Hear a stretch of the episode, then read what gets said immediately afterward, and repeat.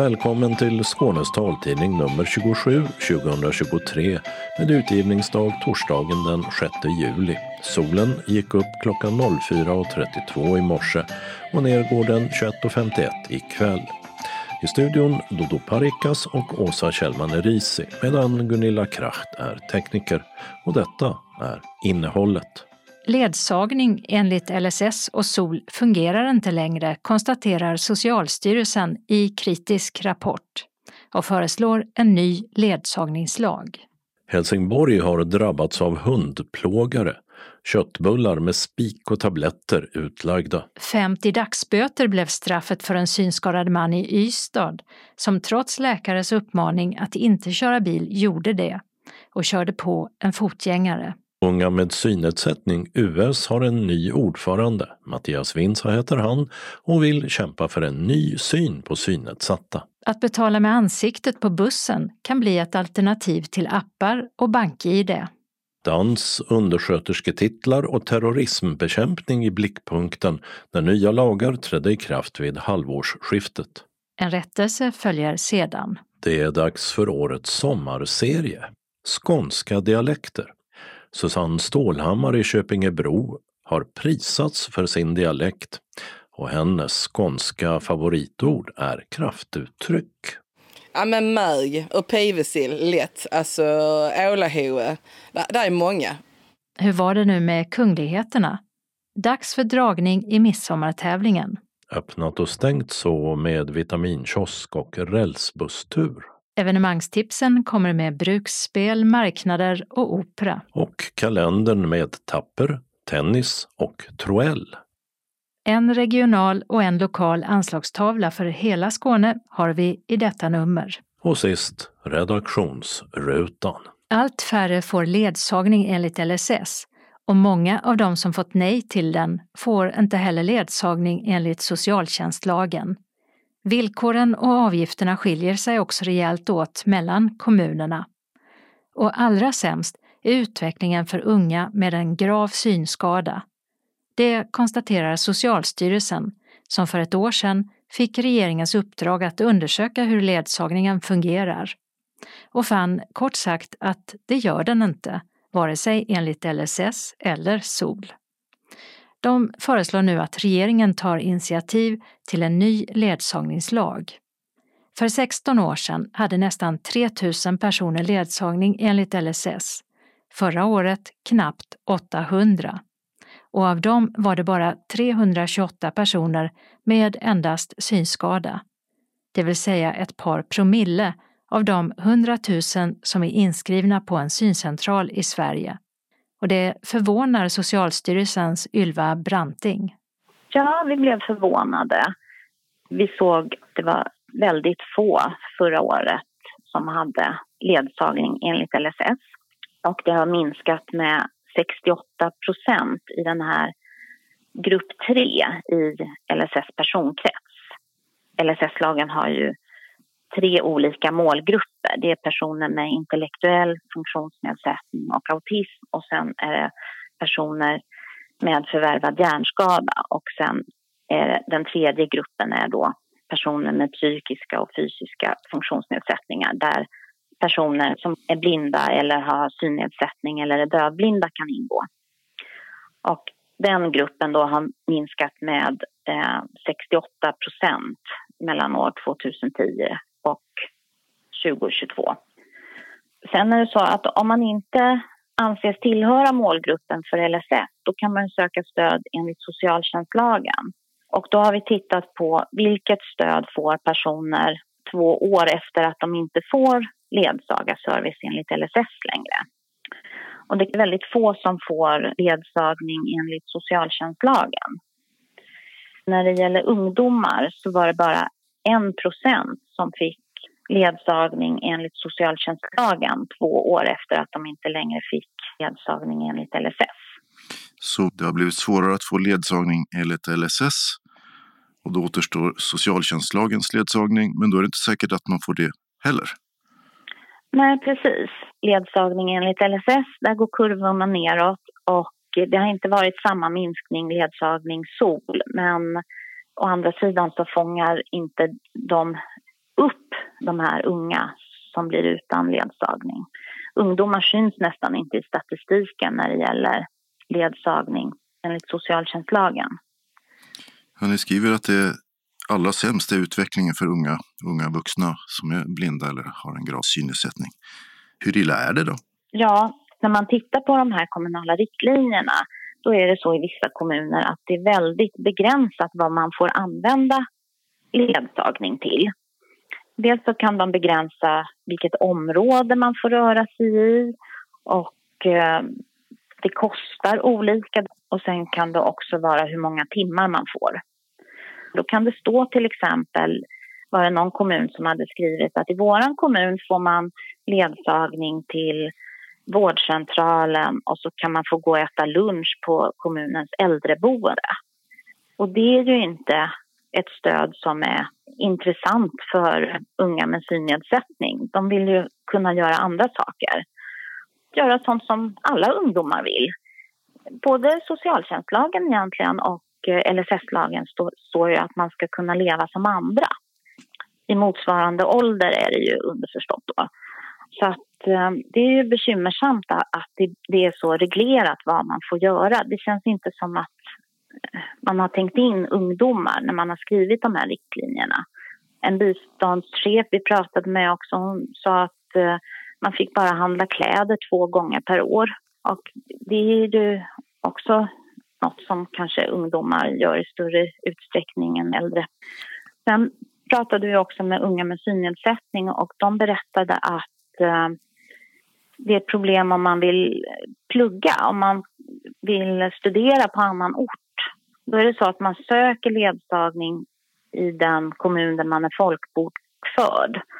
Och då vågar man kanske inte studera på annan ort för man vet inte om man kommer få det där stödet. Då har man, har man ju inga vänner där heller som kan hjälpa en att hitta i nya omgivningar och så. Och det är ju en stor förlust både för den enskilde och för hela samhället om inte ungdomar vill plugga vidare. Det blir en begränsning i levnadsvillkoren då. Ja. Hur väl sköter sig Sverige? Det finns ju konventioner, FN-konventioner till exempel om delaktighet på lika villkor. Hur sköter sig Sverige när det gäller ledsagning? Ja, Sverige har ju lovat att följa den här konventionen om rättigheter för personer med funktionsnedsättning. Eh, men Socialstyrelsen tycker nu när vi ser resultaten att vi har svårt att leva upp till det här. Eh, det finns ju flera artiklar som man kan tänka sig att ledsagning är ett bra verktyg.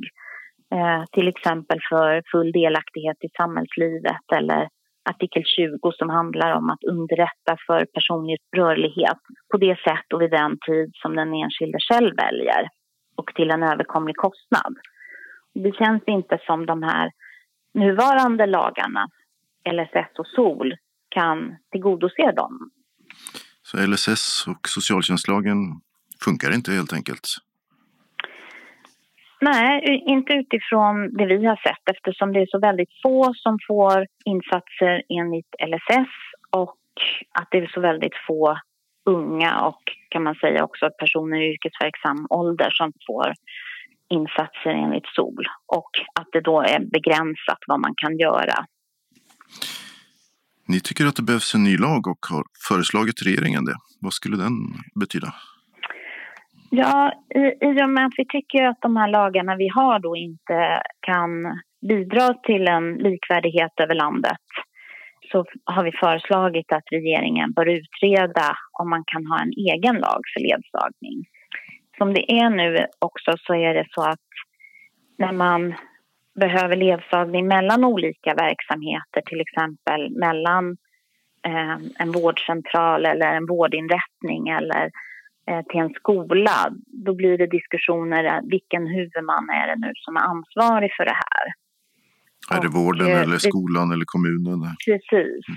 Och då, då tänker vi att en egen lag kanske skulle kunna överbrygga de här organisatoriska mellanrummen.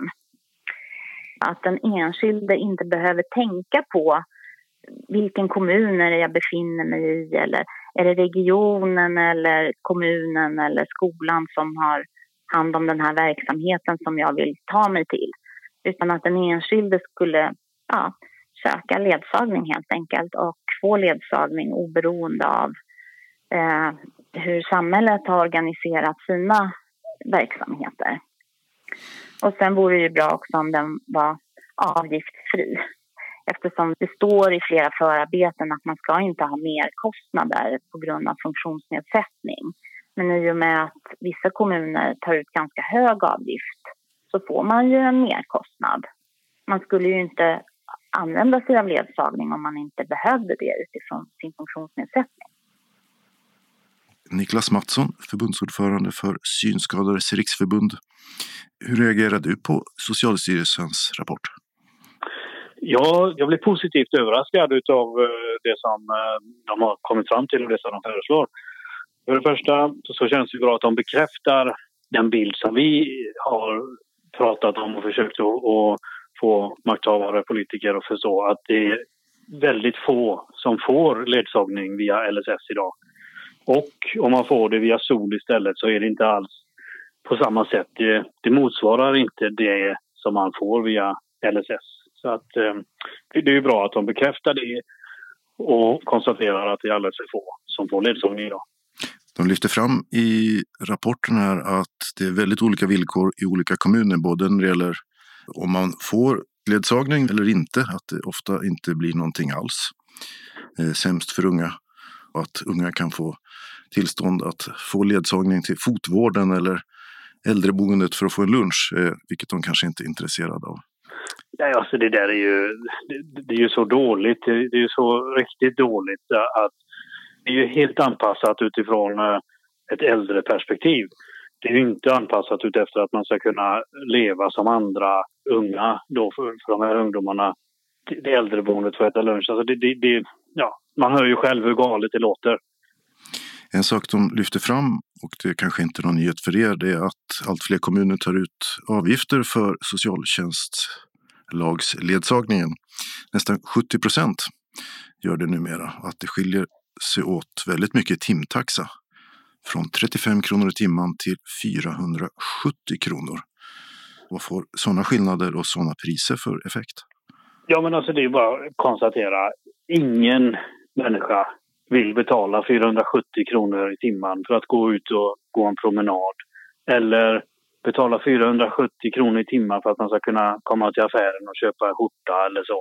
Alltså, det, det, vill man ju inte. Och, och, ungdomar och synskadade, eller för den delen synskadade överlag, har ju också tyvärr en mer utsatt situation när det gäller ekonomi och så. Så att det här blir extra dyrt och extra märkligt att just synskadade ska drabbas av de här kostnaderna.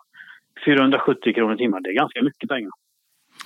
Och de tycker att vare sig LSS eller socialtjänstlagsledsagning funkar i det här avseendet och vill se en ny lag som bara ska handla om ledsagning.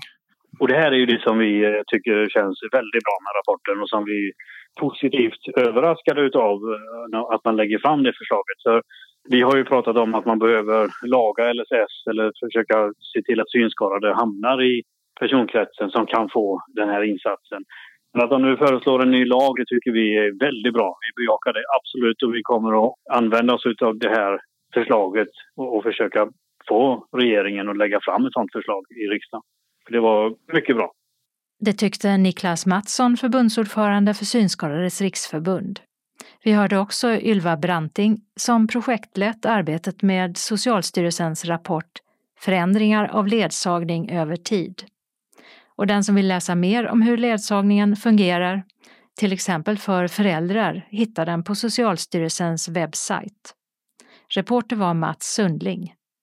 Även i Helsingborg har nu någon placerat ut mat preparerad för att skada hundar.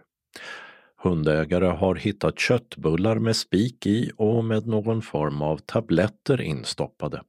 En hundägare lyckades stoppa sin hund från att tugga i sig en eh, köttbulle med spik medan en annan hund fördes till djursjukhus med förgiftningssymptom, skriver Helsingborgs Dagblad. Incidenterna har rapporterats från stadsdelen Drottninghög den gångna helgen. Malmö brottas sedan länge med att någon placerar ut bland annat brödbullar med vassa föremål i där hundar rör sig. En synskadad man i Ystad har av Ystad tingsrätt dömts till 40 dagsböter för vårdslöshet i trafik. Detta för att mannen, trots att läkare sagt till honom att inte köra bil, gjort detta och kört på en person som höll på att gå över gatan på ett övergångsställe. Tingsrätten skriver att den synskadade mannen orsakade trafikolyckan genom att ta en medveten risk eller på annat sätt brista i den uppmärksamhet och försiktighet som med hänsyn till omständigheterna krävts för att minska riskerna för en trafikolycka. Den synskadade mannen erkände och bötesstraffet blev sammanlagt 2000 kronor. Organisationen Unga med synnedsättning har en ny ordförande, 26-åriga Mattias Vinsa från Sundsvall.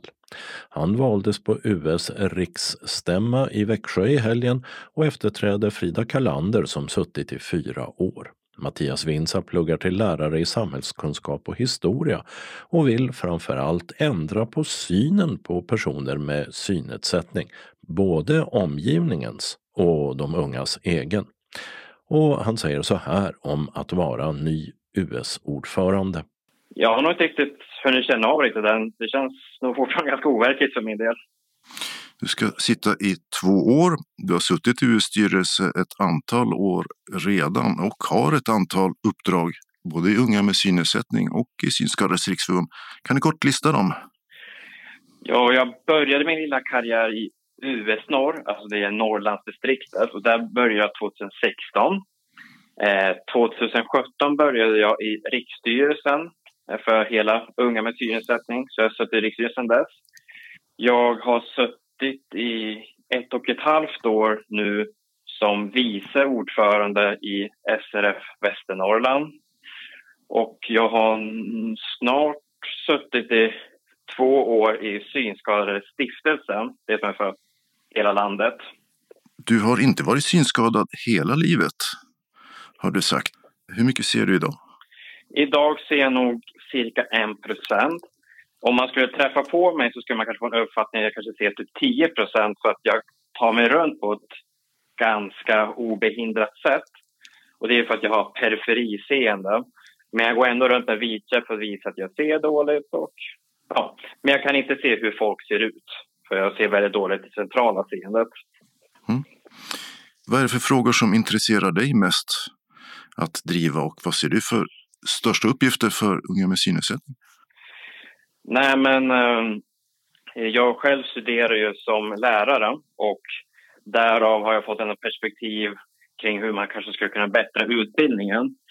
Och en sakfråga som jag skulle nog ändå vilja lägga stor fokus kring är att försöka få in vår målgrupp alltså vi med funktionshinder, in i läroplanen, alltså Skolverkets läroplan som gör nog att vi skulle kunna strukturera om hela skolväsendet och på något sätt att vår grupp kan benämnas mer än att vi är bara en del av diskrimineringsgrunderna.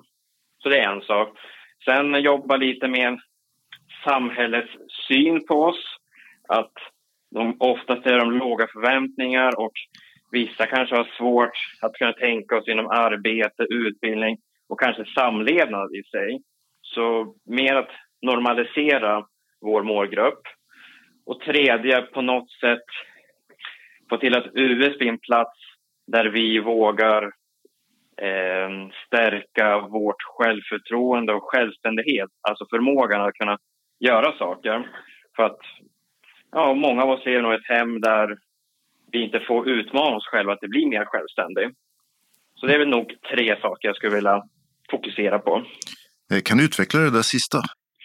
Jo, jag eh, tänker mig att många har nog föräldrar eller en omgivning där man tänker sig att oj, den här personen ser dåligt.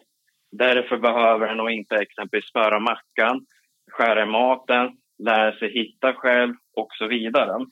Medan jag tror att det är bra att samtidigt när samhället blir mer tillgängligt för oss så bör även vi försöka lära upp vår förmåga till att kunna bli mer självständig i samhället också.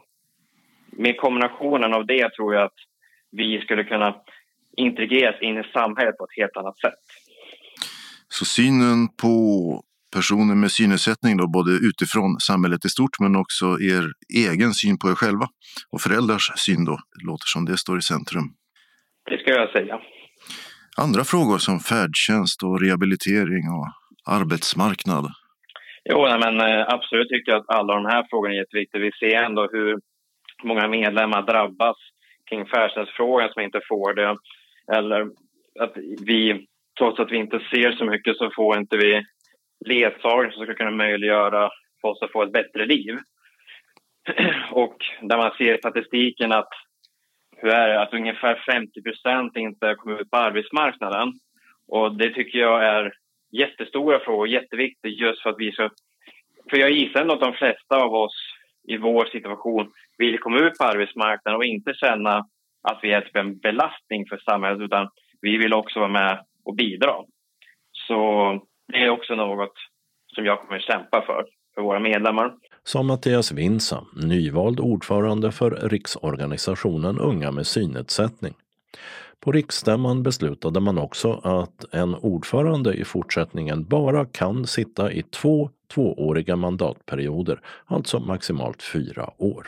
Reporter Mats Sundling. En möjlighet att slippa hantera appar och bank-id och istället kunna betala sin bussbiljett med ansiktet. Det var en idé som belönades i Post och telestyrelsens innovationstävling för två år sedan. Bakom projektet Betala med ansiktet står Funktionsrätt Skåne som nu har vidareutvecklat idén tillsammans med Begripsam och Freja e-id. Den skulle rent teoretiskt kunna användas redan idag, säger Kristoffer von Betzen, på Freja e-id. Från vår sida så är tekniken klar och den är fullt användbar. Problemet är att alla de banker och de betalningsförmedlare vi har varit i kontakt med, de verkar inte så särskilt intresserade av att göra någonting åt detta. Och det finns ju en miljon människor idag som är i ett digitalt utanförskap för att de inte har den e-legitimationen som bankerna utfärdar eller som, som krävs då för de här mesta av tjänsterna. Så det finns jättemycket som banker, som företag, myndigheter etc. skulle behöva göra för den här gruppen. Men tyvärr verkar inte det vara så högt prioriterat av någon. Utan de här människorna som är i utanförskap, de verkar få fortsätta vara det. För att det är alldeles för få som bryr sig om att hjälpa dem och införa stöd för de här inkluderande digitaltjänsterna som faktiskt finns. Som, som vi har gjort ett exempel på här, det finns massa andra. Men tyvärr verkar inte det vara viktigt nog för, för de flesta att, att bry sig om den här gruppen i utanförskap. Freja e-id är ett företag som utfärdar en av två statligt godkända e-legitimationer i Sverige. Den andra är BankID, som bankerna står bakom och som är knutet till ett bankkonto i någon av bankerna. Den som av något skäl inte har ett bankkonto kan alltså inte få ett bank-id. Lite förenklat fungerar Freja e-id så att man laddar upp en id-handling och en bild av sig själv till Frejas databas. Och när man sen ska identifiera sig tas en bild på ansiktet som jämförs med databasen. Men hur skulle det här förenkla ett köp av bussbiljett till exempel? Stefan Johansson, VD för Begripsam, som jobbar för ökad tillgänglighet i samhället, säger. Du kan göra liksom väldigt mycket i bakgrunden i ett sådant system så att du, du, skulle till exempel kunna få hjälp av någon som sätter upp liksom alla villkor för resandet och ser till att det finns kanske pengar och sådär. Och det enda du behöver göra då är att titta in i en kamera när du ska gå på bussen eller tåget. Och då bekräftar den här tekniken att du har rätt att åka. Och samma sak om det blir en biljettkontroll. Då kan kontrollanten hålla fram en telefon eller något och så tittar jag bara på den. Och så får kontrollanten en bekräftelse att jag har, jag har en biljett. Så man kan förenkla väldigt många steg och så behöver jag ju inte kunna några koder, jag behöver inte kunna hur apparna funkar utan jag visar mitt ansikte. Och det var som en person sa när vi jobbade, ja men ansiktet har jag ju alltid med mig. Ansiktsigenkänning är en teknik som hos en del framkallar obehagskänslor. Man tänker på den omfattande övervakning som kinesiska myndigheter utför med hjälp av ansiktsigenkänning. Men det här är något helt annat. Det kan till och med öka säkerheten, säger Kristoffer van Betsen på Freja. Det är viktigt att komma ihåg att Du kan använda ansiktsigenkänning på två olika sätt. Dels så kan du använda det för att övervaka människor. Om man har en databas med alla ansikten och sen så filmar man på en allmän plats. Då kan man identifiera vilka som är där utan ditt samtycke som användare. Då kan det användas för övervakning och alla möjliga hemska saker. Men om du bestämmer, jag, jag ska ta ett exempel här. Du har ett bankkonto. Du har hört mycket av de här bedrägerierna. Va? När äldre blir lurade på sina pengar, att de blir uppringda och så får någon liksom övertala dem och, och skicka över massa pengar. Du har hört talas om dem, den mm. typen av bedrägerier. Om man inte kunde göra ett sånt bedrägeri utan att du som kontoägare visade ditt ansikte för bankappen, då skulle man ju kunna effektivt ta bort alla de här bedrägerierna. För att bedragarna har ju inte liksom eh, användarnas ansikte. Så att om du använder ansiktet som, som din egen säkerhetsnyckel, alltså om du hela tiden bestämmer var ditt ansikte får användas, så, så är det ju en trygghet för dig. Till skillnad från det här övervakningssamhället där, där staten bestämmer hur ditt ansikte används. Men så länge du som användare är den som bestämmer över användningen så finns ju inte egentligen några säkerhetsrisker så som jag ser det. Men då är det viktigt att, att det är verkligen användare som har kontrollen och har makten. Och Stefan Johansson på Begripsam håller med. Här letar den här tekniken bara upp en bekräftelse på att det är jag. Så den kollar liksom inte rätt på vad jag håller på att göra och så där. Så det är två olika sorters teknik som båda bygger på ansiktsigenkänning. Det låter lite som science fiction det här att eh, bussen ska känna igen mig när jag kommer. Ja, men det är egentligen att bussen kommunicerar ju med, med kundregistret kan man väl säga. Så, så att bussen har koll på vilka som har köpt biljetter. Och då är det ansiktet som triggar igång att ja, men det här är Stefan, han har en biljett. Så det är egentligen en, en ganska enkel kommunikation. Men det lite roliga är ju att vi tycker att det är bussen som kan, som kan sköta den kontakten. Eller busshållplatsen, stolpen skulle kunna göra det. Eller en busskur där jag sitter och väntar. Det, vi är ju på väg in i ett läge där det man kallar Internet of Things, alltså att man har internet i föremål. Så ett scenario som vi har, som vi har lekt med är att jag skulle kunna gå till busskuren, sitta där och vänta och så göra klart allting där. Och sen när bussen kommer så sker en kommunikation mellan busskuren och bussen som, som bekräftar att ja, det här är Stefan, allting är redan klart så han kan bara gå på. Eh, det skulle också påskynda påstigning om det var många som, som ska gå på så går det fortare. Ja, för man kan tänka sig att eh, de som står bakom i kön kanske blir irriterade om någon ska stå och titta in i en kamera. Ja, å andra sidan går det fortare kanske än om man ska dra upp ett kort och, och så ska man skanna kortet någonstans. Eller, eller, eller om man nu ska köpa själva biljetten. Det ser man ju ibland. En del går på bussen och så håller de på och knappar på, på appen och sen visar de upp den här koden för chauffören. Det tar ju mycket längre tid än att bara bekräfta med ansiktet. Så tekniken kan kanske göra att det går fortare faktiskt. Det var ju en möjlighet att kunna köpa en bussbiljett utan att behöva hantera Skånetrafikens app och ha BankID som var ursprunget till projektet. Så långt har man inte kommit. Men vad säger då Skånetrafiken? Kommer man att ställa krav på att det företag som tar hand om betalningarna ska acceptera ansiktsigenkänningen? Karina Sackau är ordförande i kollektivtrafiknämnden. Jag tror ju att det här med att betala med ansikte faktiskt skulle kunna fylla ett, ett behov hos några av våra resenärer som har svårt med bland annat digitala eh, bank-id och liknande. Nu ska ju Skånetrafiken snart göra en ny upphandling av betaltjänstleverantör. Är det realistiskt, tror du, att eh, ett sånt här krav kommer att ställas i den upphandlingen? Jag, så för, jag, jag, jag tänker att jag behöver ha en, en eh, helhetsbild av det först innan jag kan svara så konkret ja eller nej. Så att det blir väl ett, ett politikersvar här i det sammanhanget. Att, eh, vi, jag får helt enkelt avvakta och höra vad, vad våra tjänstemän har för inspel. En av sakerna eh, som jag funderade lite grann på det är hur lång tid tar själva betalningen när man gör det med ansiktet och, och, och lite sådana saker så att det inte blir några knepigheter för våra resenärer. Det vill säga att när man då har betalt att bussen helt plötsligt börjar köra iväg och man inte har hunnit sätta sig på sin plats eller någonting liknande. Så, ja, alla de sakerna måste ju någonstans eh, vara på plats så att vi kan säga ja eller nej. Och det kan inte jag idag. Det här systemet eh, finns ju inte någon annanstans i världen vad forskarna vet. Skulle det vara en fjäder i hatten att vara först?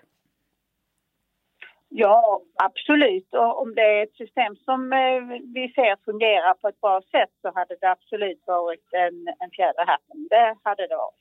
Hela tiden gäller det ju för vår del att kunna följa utvecklingen och se vad, vi, vad det är för nya innovationer som är på gång för att vi ska kunna göra det enkelt för våra resenärer. Tycker du själv att det är enkelt idag som systemet fungerar? Inte för alla, absolut inte. Jag har eh, själv väldigt nära anhöriga som, som inte har möjlighet till bank-id till exempel och, och, vet mycket väl vad det innebär. Och där finns ju många, både de som har en funktionsvariation men där finns också de som är dementa till exempel som absolut inte klarar det här med bank-id eller bankkort eller liknande. Och, och, det här är ett bekymmer och ett växande bekymmer i vårt samhälle skulle jag vilja säga. Ansiktsigenkänningen som legitimation skulle kunna användas till mängder av andra saker också, säger Stefan Johansson. Alla lägen där du ska bevisa vem du är skulle, skulle man kunna tänka sig. Det kan ju vara så att man, om man ska in på en arbetsplats till exempel där inte vem som helst får, får vistas, då skulle tekniken kunna användas för att öppna en dörr. Eller om du ska handla någonting på nätet så, så skulle man kunna använda tekniken för att, för att bekräfta att det här är verkligen Stefan Johansson som vill köpa den här grejen. Så alla lägen där man ska identifiera sig, eh, man bokar tider i vården, skulle den kunna användas många ställen egentligen. Det här projektet är alltså avslutat nu och någon bussbiljett blev det inte. Men de inblandade parterna är ändå nöjda, säger Stefan Johansson. De ville visa att det var möjligt så att inte tjänstemän inom kollektivtrafiken kan säga att det där går inte. För nu kan de börja ställa krav gentemot politikerna. Att nu har vi visat att det går, så nu borde ni ställa krav på att det införs det är så de har tänkt kring det här projektet. Att det inte blev någon bussbiljett i det här skedet? Det gör egentligen ingenting, för det viktigaste med projektet var ju att visa att det är möjligt, att, att tekniken är möjlig. Sen måste den ju införas och det tar lite längre tid. Så, så de, är, de är nöjda med att det kom så här långt och att det gick att visa att tekniken funkar. Sa Stefan Johansson på Begripsam. Vi hörde också Kristoffer van Betsen, Freja Eide och Karina Sackau, moderat ordförande i Region Skånes kollektivtrafiknämnd. Reporter var Birgitta Fredén. Det nyss passerade månadsskiftet förde med sig nya lagar och skärpningar av befintliga straff. Användande av underskötersketitel inom vård och omsorg kräver numera ett bevis efter särskild utbildning. Beviset utfärdas av Socialstyrelsen. Den som redan är tillsvidareanställd som undersköterska får använda sin titel i tio år. Moraliskt förfall vid dansbanor anses inte längre vara ett problem och krögare och barägare behöver därför inte längre ansöka om danstillstånd i sina lokaler. Och om det ska dansas på offentlig plats räcker det med en anmälan. För att stävja fusk vid högskoleprovet får de som gör provet utsättas för kroppsvisitation vid in och utpassering. Den som nekar den senare varianten kan bli avstängd från nytt prov i två år. Brottet att delta i, främja, stärka eller understödja en terroristorganisation är numera infört i den befintliga terroristbrottslagen. Även finansiering av deltagande i terroristorganisation, att offentligt uppmana till brottet och att resa utomlands för att delta i brott är nu straffbart. Straffet skärps för en rad brott, däribland utpressning och grov utpressning för att motverka gängkriminalitet. Dessutom är det nu straffbart att dra in personer under 18 år i brottslig verksamhet. Att försöka begå ringa narkotikabrott, däribland att köpa droger på nätet, är nu olagligt. Detta kan eventuellt även omfatta inköp av till exempel digitala vågar för vägning av narkotika och plastpåsar med sipplås. Och den som åker eller kör A-traktor, så kallad EPA-traktor, måste nu ha bälte och endast en passagerare får sitta på passagerarplatsen. Vi har en eh, rättelse till några uppgifter i föregående nummer av taltidningen. Appen Quenda, K-W-E-N-D-A, för att hitta i Höganäs kommer från Mavingu som stavas M-A-W-I-N-G-U och inget annat. Hur pratar man egentligen i denna den sydligaste delen av landet? Och varför pratar skåningen som skåningen gör? Ja, Skånska dialekter är namnet på årets sommarserie som startar idag. Och vi börjar i de sydligaste delarna av landskapet. I maj avgjordes tävlingen Dialektkampen som Ystad Allehanda och Trelleborgs Allehanda genomförde och det var upp till läsarna att lyssna på några utvalda skånska röster och utse vem som hade den skönaste sydskånska dialekten. Vi ska träffa vinnaren i denna tävling som numera har bevis på att hon har den skönaste dialekten. Vi träffas i Köpingebro där hon eh, bjussar både på flädersaft och sin skånska. Det kommer av sig själv. Och nu får jag flädersaft här i glaset. Fint ska du ha. Jag heter då Susanne Stålhammar. Jag är en eh, ganska glad 39-åring som eh, gillar och vad, vad gillar jag? Jag gillar att umgås med mina ungar. Gör vi. Ur naturen, simma, bada. Helt underbart. Göra flädersaft som du ska få smaka på snart. Jag tar och smakar på en gång. Ja. Mm. Det svalkar så här när det är varmt ute. Och skrattar ofta. Och skrattar mycket ofta. Ja, men det är väl, det, det måste man ju. Annars har man trader och det funkar inte. Man måste kunna njuta av livet. Och sen har du nyligen fått ett eh, väldigt fint diplom.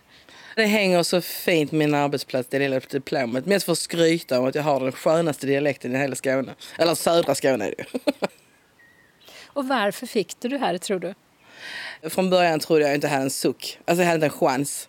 De var ju grymma på sin skånska, ju, många av dem. Håkan från Ingestorp var ju hans ög där, liksom. det var helt fantastiska. Och några andra från Trelleborg där som hade ju helt annan, grövre dialekt än jag hade.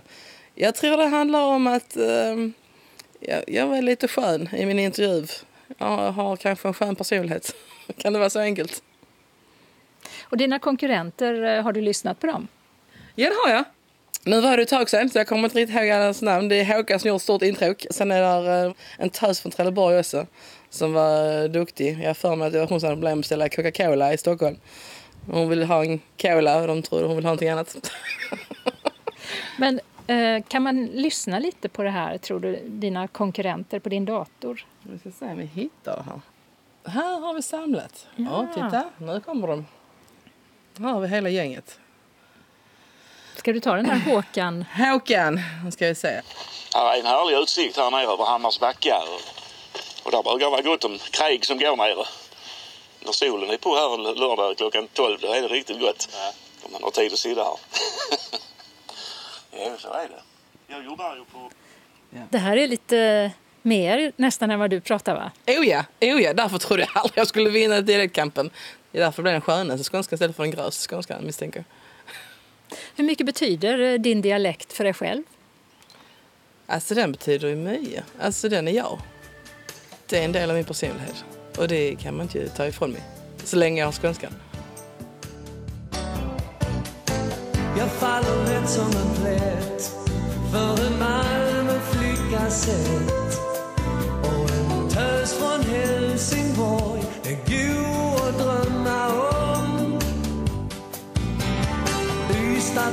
Ystadtösernas uttal det är det grannaste jag vet När hon pratar så kan jag sitta och lyssna i all oändlighet När en flicka talar skånska ett språk som jag förstår då känns det lite extra Alltså skånskan är skön.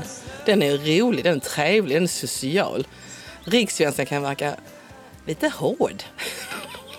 det är så jag uppfattar det faktiskt. Um, ja, jag vet inte vad som kan definiera skånskan på bästa sättet mer än att jag pratar så här. Nära Danmark. Kan det vara en dansk gamla efterlevnaden? Tar du bort vissa jo. bokstäver? Ja, gör jag. Alltså det är samma när jag skriver mejl till de jag känner. Mm. Får jag punktera. Det är inte till alla utan till mina vänner. Det är de och ej och ja. Det, det bara blir så. På PO. så du skriver likadant som du pratar? Ja, ja det gör jag. Till de du känner då? Ja, ja. Och sen på jobbet, nu känner de mig. Så nu har jag introducerat mig själv. Så nu har jag IT-mög. och jag har i min möghylla, jag har lappar lite överallt. Rust med R-I-S-T, det tycker de är jätteroligt. Rust inte tonen. alltså vad, vad sa du? Ry rust. Rust. Ja, rust, ja, rust skaka, skaka rust. Ja, precis. Rust inte. Så att, eh, det var ju det som blev nominerad för. Det var mina kollegor som nominerade mig. För de tycker att jag skriver roligt, helt enkelt, på jobbet. Och du jobbar på Kunskapsskolan? Ja, ja, ja. jag sitter där i administrationen och receptionen. Är det ofta som du får eh, förklara dig? Säga vad det var som du precis gjorde till mig nu. Berätta vad det egentligen var du sa. Alltså det händer. Det är inte jätteofta. Inte nu för tiden, förr var det värre. Alltså när jag jobbade i Simrishamn och växte upp i Simrishamn och jobbade i kiosk där och kom ner alla stockholmare. Där var det ju... Hade jag fått en krona varje gång jag skulle förklara mig så hade, de, hade jag varit miljonär idag. Men eh, nu för tiden så eh, är det inte fullt så illa. Och gör du om din dialekt beroende på vem du pratar med? Ja, ja men det gör jag nog. Alltså det som jag sa, pratar jag med en stockholmare så måste jag förfina för min egen skull. Jag orkar inte att förklara varenda ord för Och de säger bara va. Vi var på koordinatorsträff i Borås. Och jag har en kollega som då bor och lever i Borås såklart. Och vi har träffats x antal gånger. Men hon har alltid verkat så avvaktande. Och så hamnar vi bredvid varandra och där förklarar hon att jag förstår inte vad jag säger. Och nu förstår jag varför du inte förstår mig. Därför jag förklarar mig. ja. Så vi, vi fann varandra efter fyra år, äntligen. och hur gör du dig förstådd för henne nu då? Jag ändrar mina ord. Alltså det är så, jag gör dem finare. Så hon förstår, lite rikssvenska faktiskt.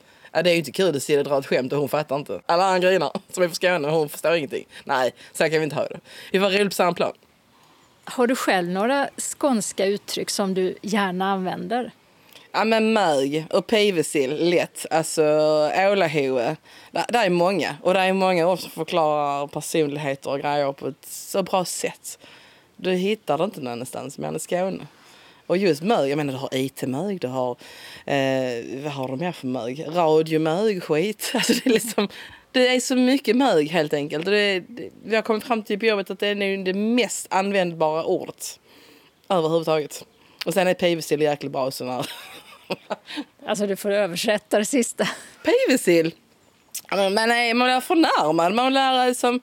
Alltså du, säger, piv, du, du tål ingenting. Du är en pivesill. Du piver. Alltså det, du beklagar dig. Vad var det mer du sa? Pivesill var ett. Och ålaho. Eller det är du knäpp i huvudet? Ja, men är ni dumma eller? Är du, fattar du? Alltså, du, du är blåst.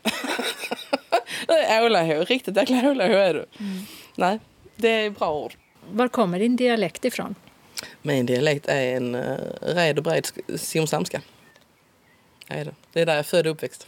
Simmerslund. Ligger precis utanför, två kilometer. Nere vid havet. Vi sitter på Susanne Stålhammars uteplats i ett vindstilla hörn av den brunrödfärgade tegelvillan från 70-talet. Och I trädgården finns förutom gräsmatta, buskar och växter också en rund pool ovan mark och en stor studsmatta. Men något annat som jag lägger märke till det är två höga mjölkspannar som för tankarna bort från villaområdet. De mjölkkannorna kommer ifrån min mans eh, mormors gård. Hon hade två stycken som låg och skräpade som hon inte använde längre. Så de fick vi och de tycker jag är jättefina. Jag ska plantera blommor dem nu. Min mor kommer från en gård. Morfar de hade ju ankegårdar. Alltså ja, en ankuppfödning. Låter roligt när man pratar om det. Det, det ligger i grunden, bonderiet. Men jag är ingen bonde. Jag är inte född där. Och så spelar du teater. Ja, precis. Vuxenteater i, på Sommarteatern. Vi är många som har gått ihop och gjort en grupp och vi har jättekul ihop. Och när du spelar teater, är det på dialekt eller byter du dialekt? Eller? Alltså min, mina roller i teatern baseras på min dialekt. Jag får inte lov byta dialekt. Det bara är så. Jag får bara stå ut med vad jag Tyvärr så. Sa jag det. Men, ja, men hur ska jag tänka här? Ja, men gör som du alltid gör. Ja. det är ingen utmaning, jag bara är mig själv. Det är så. Och när du nu pratar med mig som pra inte pratar riktigt så mycket skånska, gör du om din dialekt på något sätt? Alltså som jag ser det just nu försöker jag låta bli faktiskt. Eh, så nej, inte just nu. Det gör jag inte. Men i vanliga fall så brukar jag ändå försköna det. Och det är någonting jag knappt tänker på längre. Utan det bara händer. Och om det då är någon som pratar eh, riktigt grov skånska, hur gör du då? Ja, men det är jag mig själv. Det bara följer med flödet liksom. Jag har en vän i Han flyttade från Simrishamn till Kristianstad. Vi har känt varandra sedan vi var fem. Och gifte sig där med sin fru. För han har förändrat sin dialekt. När jag ringer till honom så tittar hon på honom efter samtalet så vad är det Susanne? För han förändrar sin skånska, det kommer skånska tillbaka på honom när jag ringer. Ja. Så att jag ändrar ju inte min dialekt hur som helst. Det beror på vem jag pratar med. Det går på automatik i så fall. Och det är det verkligen. Nu behöver jag göra någonting åt detta, annars så fattar de inte vad jag säger. Har du blivit retad någon gång för att du pratar skånska? Aldrig. Hör och häpna. Aldrig. Men alla snackar ju ledant. Alltså Simrishamn var ju bara fullt av skånska ungar överallt. Så vi snackar ju ledant ju. Så nej, jag har aldrig för min dialekt. Det har jag inte. Och din övriga familj, pratar de eh, lika mycket skånska? Oh ja.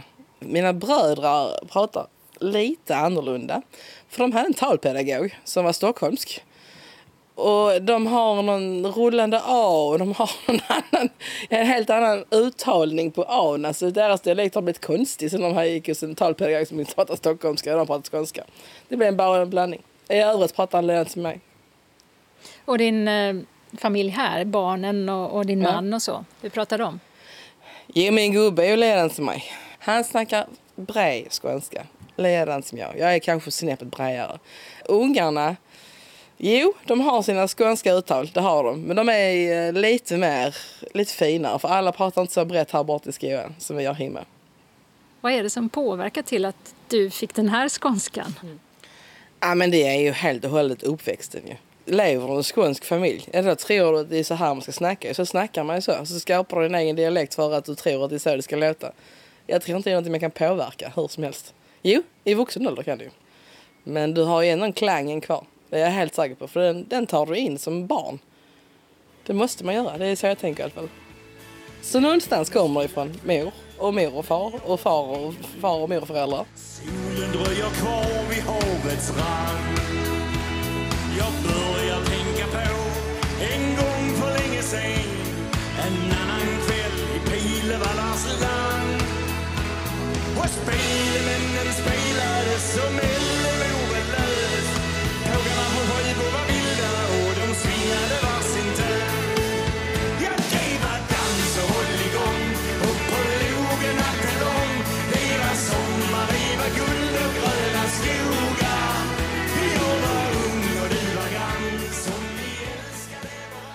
Hur tycker du skånska låter själv? Roligt, härligt, sagolikt. Om vi tar Hasse Andersson då och hans låt eh, Guld och gröna skogar. Ta hans låtar och försök sjunga dem på rikssvenska så är det inte samma sak. Hela det härliga rullande skånska försvinner och rikssvenska och det blir stabbigt. Det blir inte bra alls. Så att, eh, där är ju en viss klang som lever kvar i det skånska språket.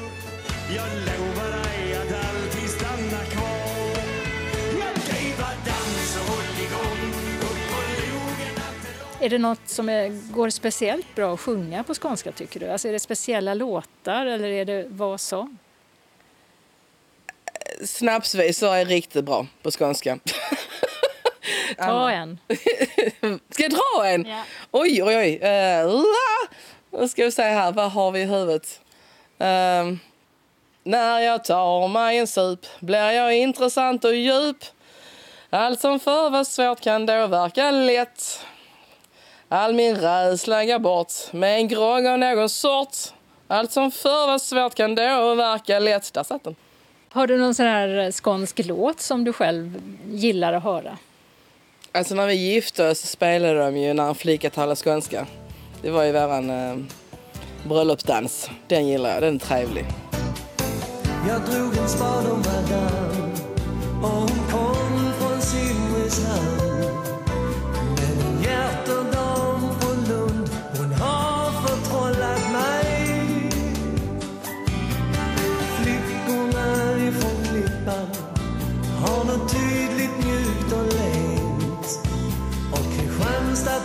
såna snack, det är så klingande och rent. När en flicka talar skånska Sist här var det Danne Stråhed som sjöng just låten När en flicka talar skånska. Och Sommarteatern som nämndes i reportaget finns i Ystad. Susanne Stålhammar intervjuades av Åsa Kjellman Erisi i det här första reportaget i vår sommarserie Skånska dialekter. Nu har det blivit dags att gå igenom svaren och dra vinnarna i årets midsommartävling, där jubilerande kungar stod i fokus.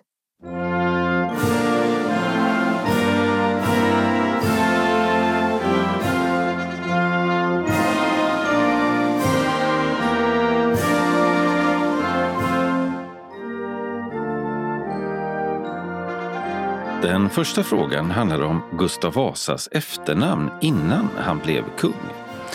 Och rätt svar det är Eriksson, en etta i fråga 1. Och sen handlar det om Vasaloppet. Det har på senare tid ifrågasatts om Gustav Vasa verkligen kunde åka skidor och historien om hans skidtur kan vara en skröna.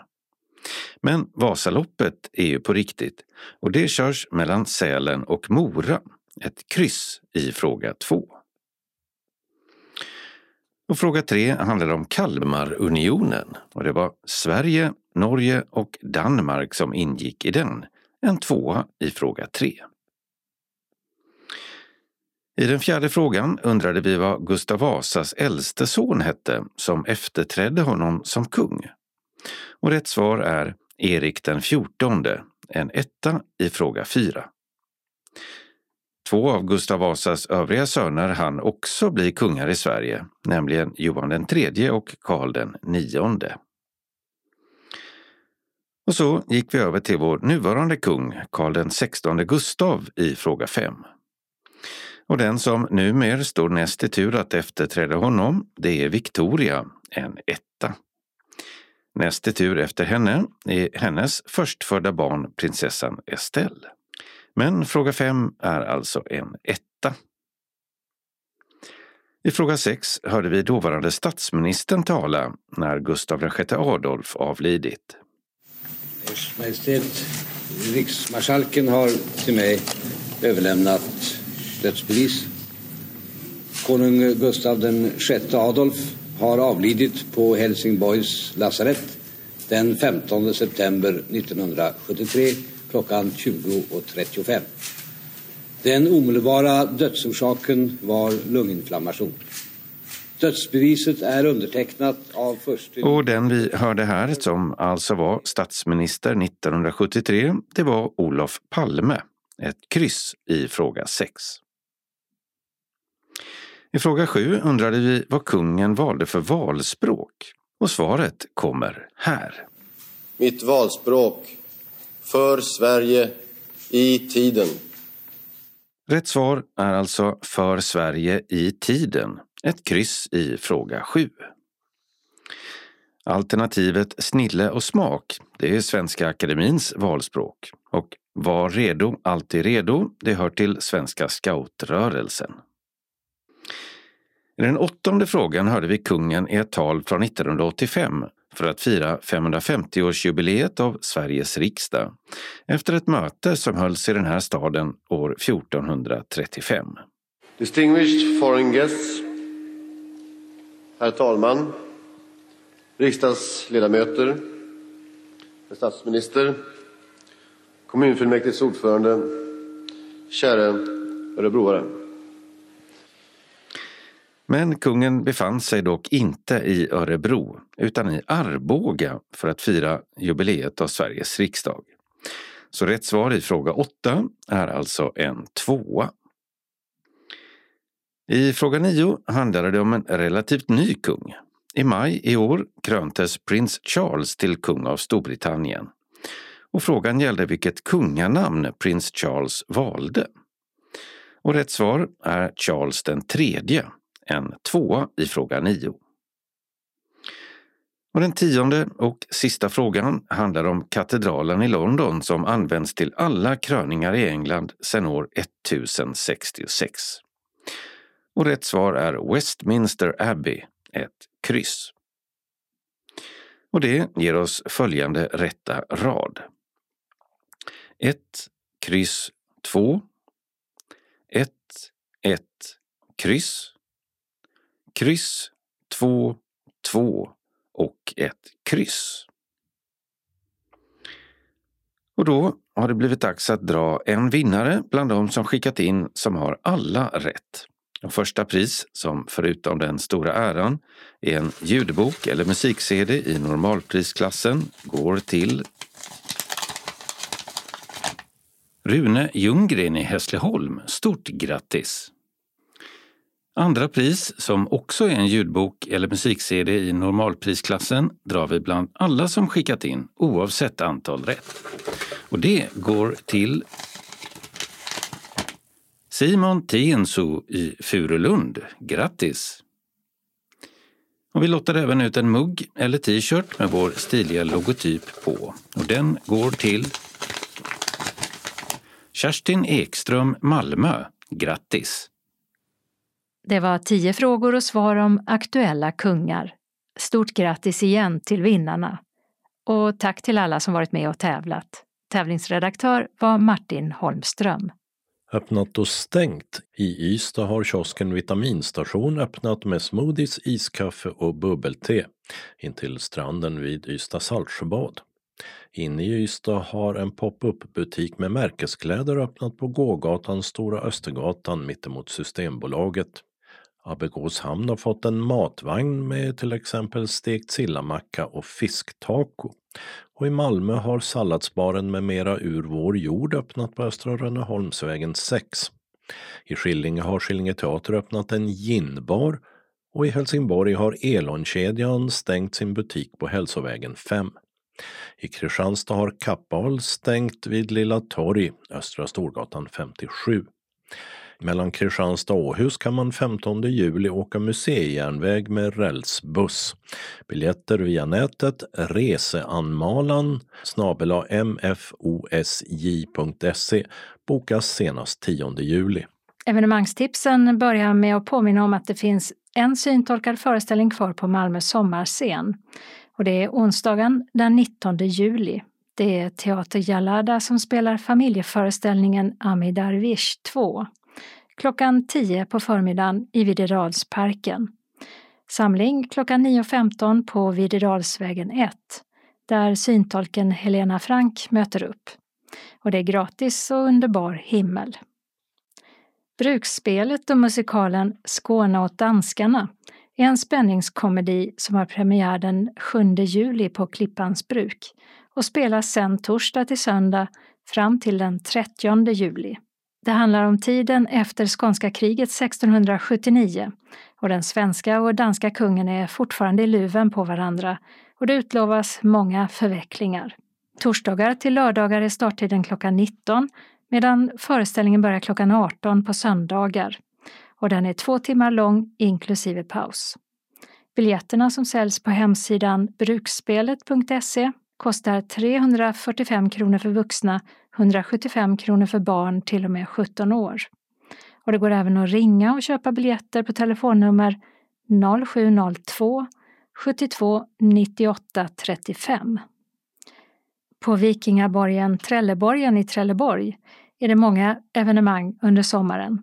Fram till den 31 augusti är det guidad visning varje dag klockan 11 och på engelska klockan 14.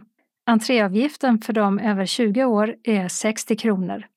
Och det finns också en del större evenemang under sommaren. Den 7 till 9 juli är det slaget om Trelleborgen med vikingamarknad bland annat. Och nu på fredag den 7 juli är det fri entré, de andra dagarna är det förhöjd entréavgift. Den 22 juli blir det skådespel i Amfiteatern, vid Wolf klockan 15. Den 29 juli är rubriken Riddare i borgen klockan 15. Många marknader äger rum under sommaren i Skåne och här är några av dem. Nu på fredag den 7 juli är det Smedstorps marknad som dessutom firar 140-årsjubileum. Marknaden är på torget och pågår från 9 på morgonen till 17 på kvällen. Klockan 11 spelar Simrishamns musikkår. Klockan 12 rocktrubaduren Andreas Vanity och klockan 15 är det loppis i gamla brandstationen och Medborgarhuset. Dessutom tivoli och marknadsknallar och visning av gamla traktorer och bilar. I Degeberga är det marknad den 10 och 11 juli med knallar och tivoli.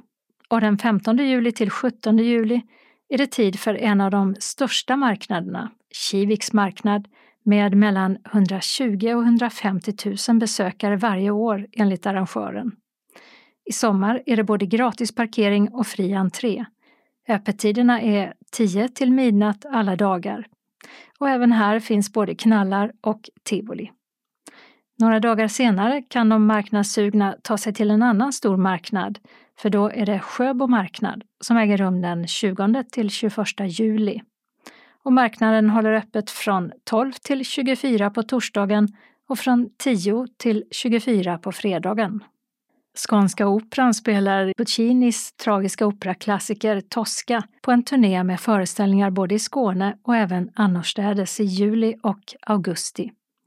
Tosca görs av norsken Kine Sandtrö, Cavardossi av Marcus Pettersson och Scarpia av Erik Krokfjord. De skånska stoppen är premiär 8 juli klockan 19 på Bäcka skogsslott, där den också ges den 9 juli klockan 16 och 11 juli klockan 19. Sen följer Hovdala slott den 14 juli klockan 19 och 15 juli klockan 16. Krapperups musikhall den 18, 19 och 22 juli klockan 19 samt 23 juli 16. Ystad teater 29 juli klockan 19 och 30 juli klockan 16.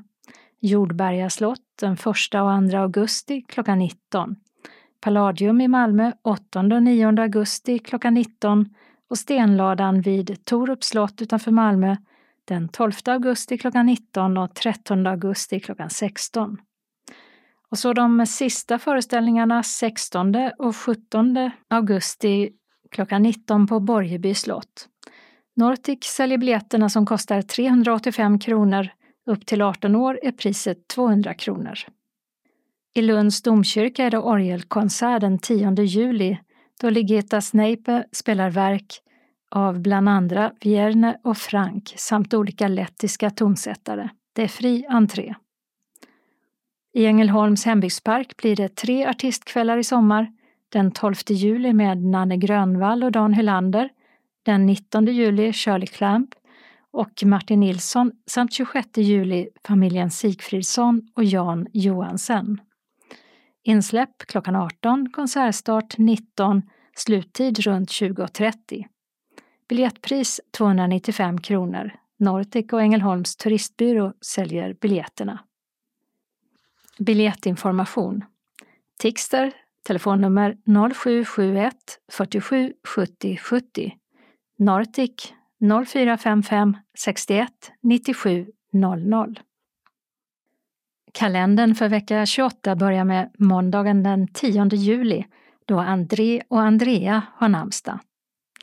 Den legendariske MFF-spelaren och landslagsspelaren Staffan Tapper fyller 75 år.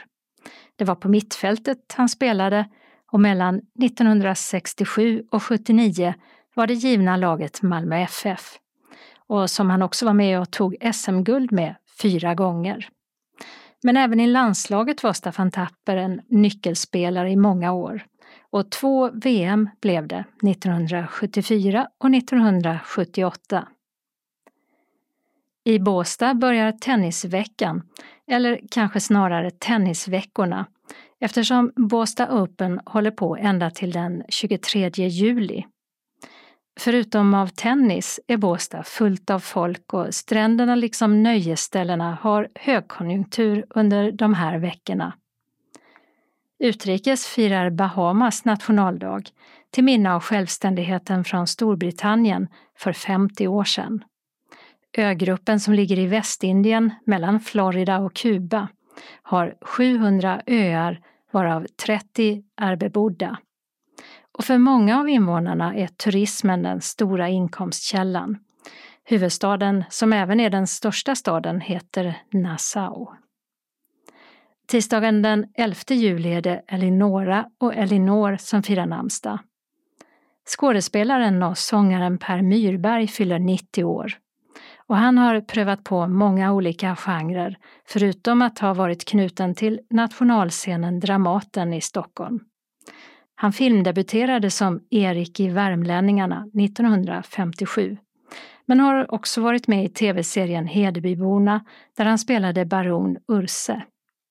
Saltön och gynekologen från Askim är senare tv-serier Per Myrberg medverkat i, bland många andra. På operascenen var han med i Sven David Sandströms Staden och så har han legat etta på Svensktoppen i 40 veckor. Men nu är det slut på det för nu ska 34 bort. Ja nu är det slut på gamla tider. Ja nu är det färdigt inom kort. Nu ska hela rasket rivas, nu ska hela rasket bort. Så jag tar farväl och stora tårar rullar på min kind. Nu är det slut på gamla tider, nu går 34 i himlen in och hitten 34 kunde man lyssna till på Svensktoppen under 1964 och 65. En betydligt yngre kollega inom sångbranschen fyller också jämnt, Marie Serneholt som blir 40 år. Hon var med i popgruppen A-Teens men har också varit programledare för till exempel Bingolotto och Melodifestivalen där hon också själv deltagit tidigare. I orten Lax i Schweiz startar skogs-VM i orientering som pågår till den 16 juli. Onsdagen den 12 juli är det Herman och Hermine som är dagens namn i almanackan. För alla som väntar på det första antagningsbeskedet till högskolor och universitet är väntan över. För 115 år sedan, natten mellan den 11 och 12 juli, inträffade det så kallade Amalthea-dådet i hamnen i Malmö. En bomb detonerade vid fartygssidan på Amalthea, där brittiska strejkbrytare bodde. En man omkom och 23 personer skadades vid attentatet. Upprinnelsen till det hela var en konflikt både med arbetsgivaren och den egna fackliga organisationen som fick hamnarbetare runt om i landet att gå ut i strejk. Och arbetsgivaren svarade med att kalla in engelska strejkbrytare. Två av de tre män som utförde dådet, Anton Nilsson och Algot Rosberg, dömdes till döden, men straffen omvandlades så småningom till livstids fängelse och senare benådades de. Jan Troells film Maria Larssons eviga ögonblick, som hade premiär 2008, bygger på den här händelsen. Torsdagen den 13 juli har Joel och Judith namnsdag. Visfestivalen i Västervik börjar och den har arrangerats i dryga 50 år och över tusen artister har uppträtt på vad som kallas visans nationalscen.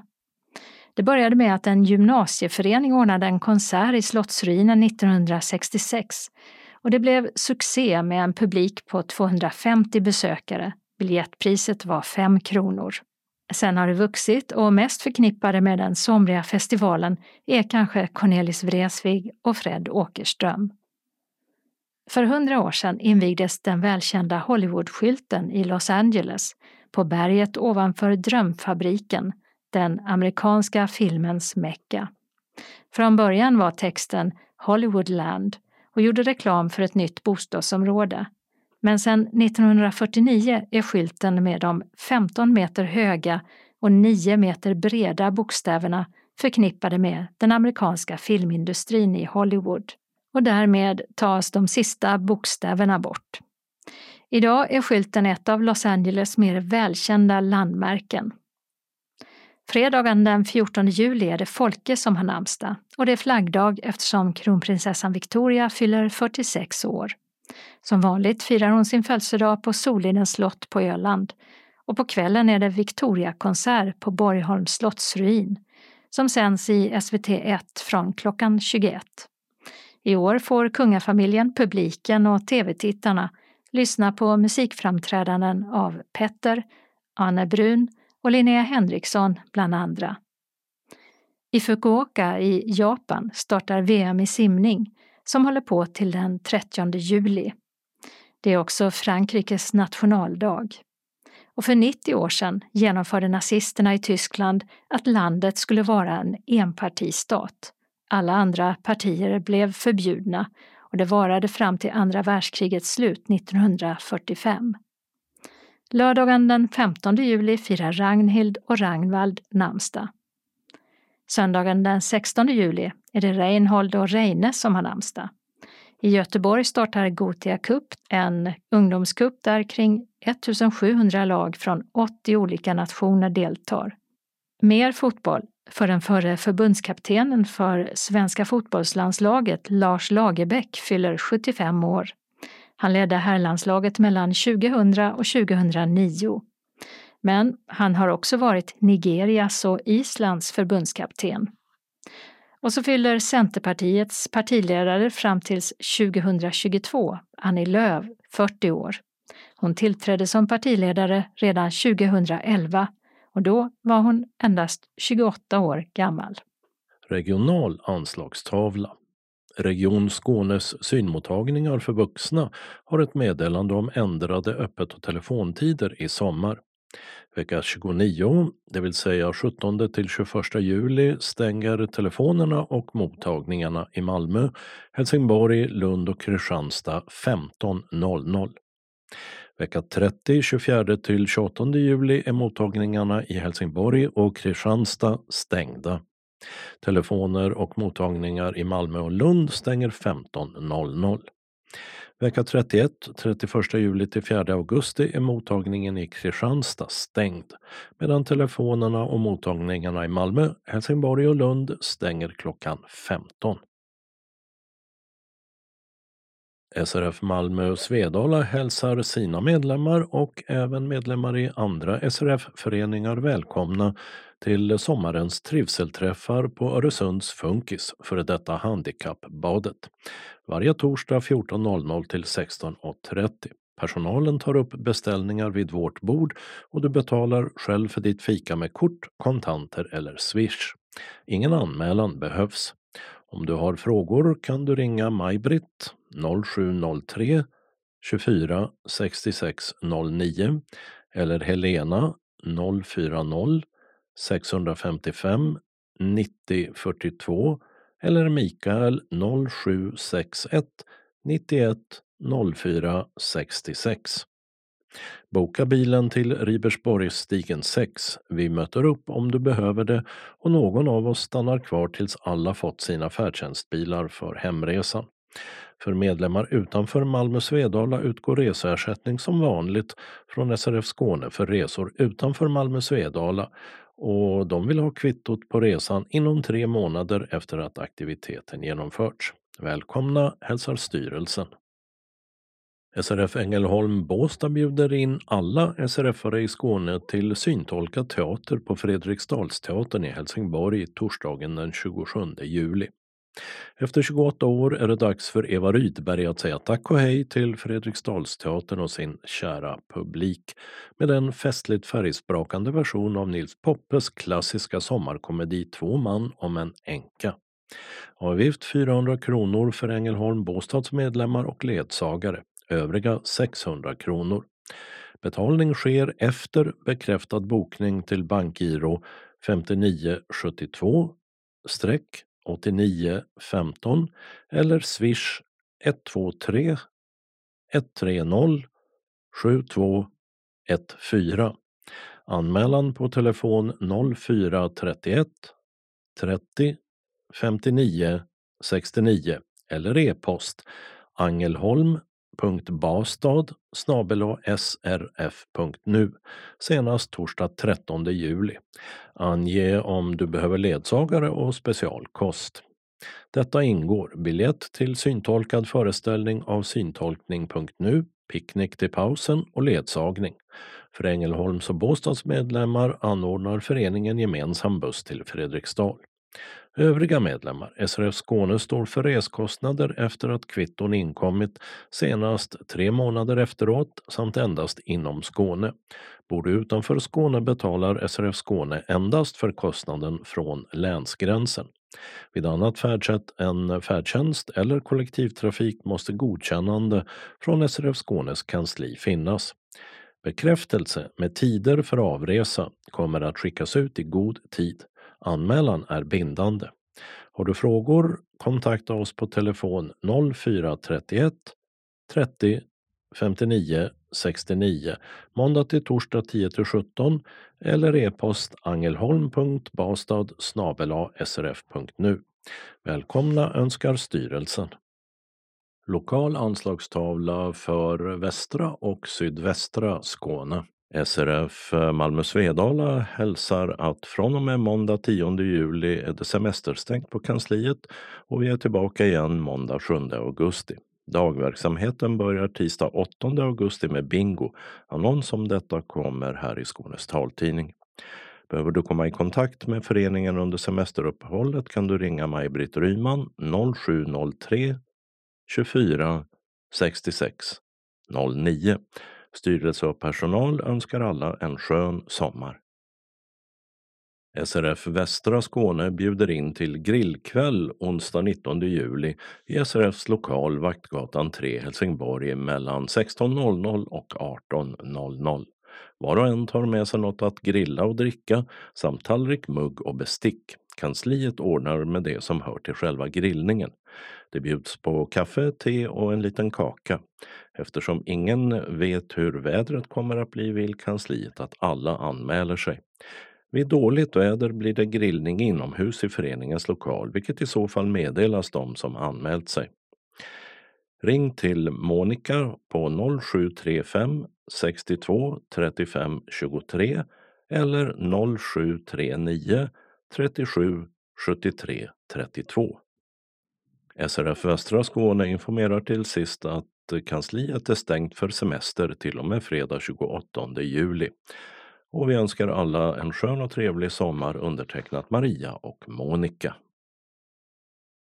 Vi har en tillfällig ändring i busstrafiken. I Malmö stadsdelen Fosie pågår vägarbeten kring hållplats Benkammen läge B in mot stan för stadsbuss 31.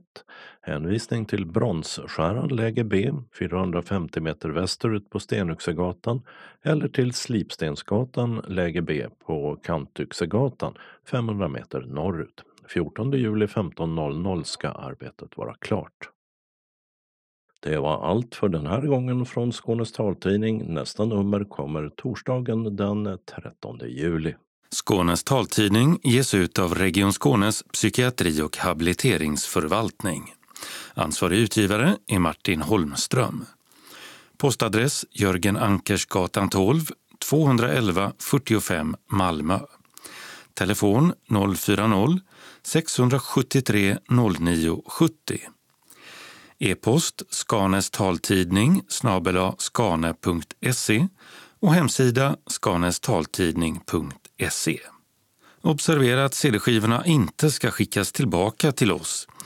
Såväl skivor som kuvert kan läggas i brännbara sopor när ni inte längre vill ha dem. Vi hörs igen. Hej då!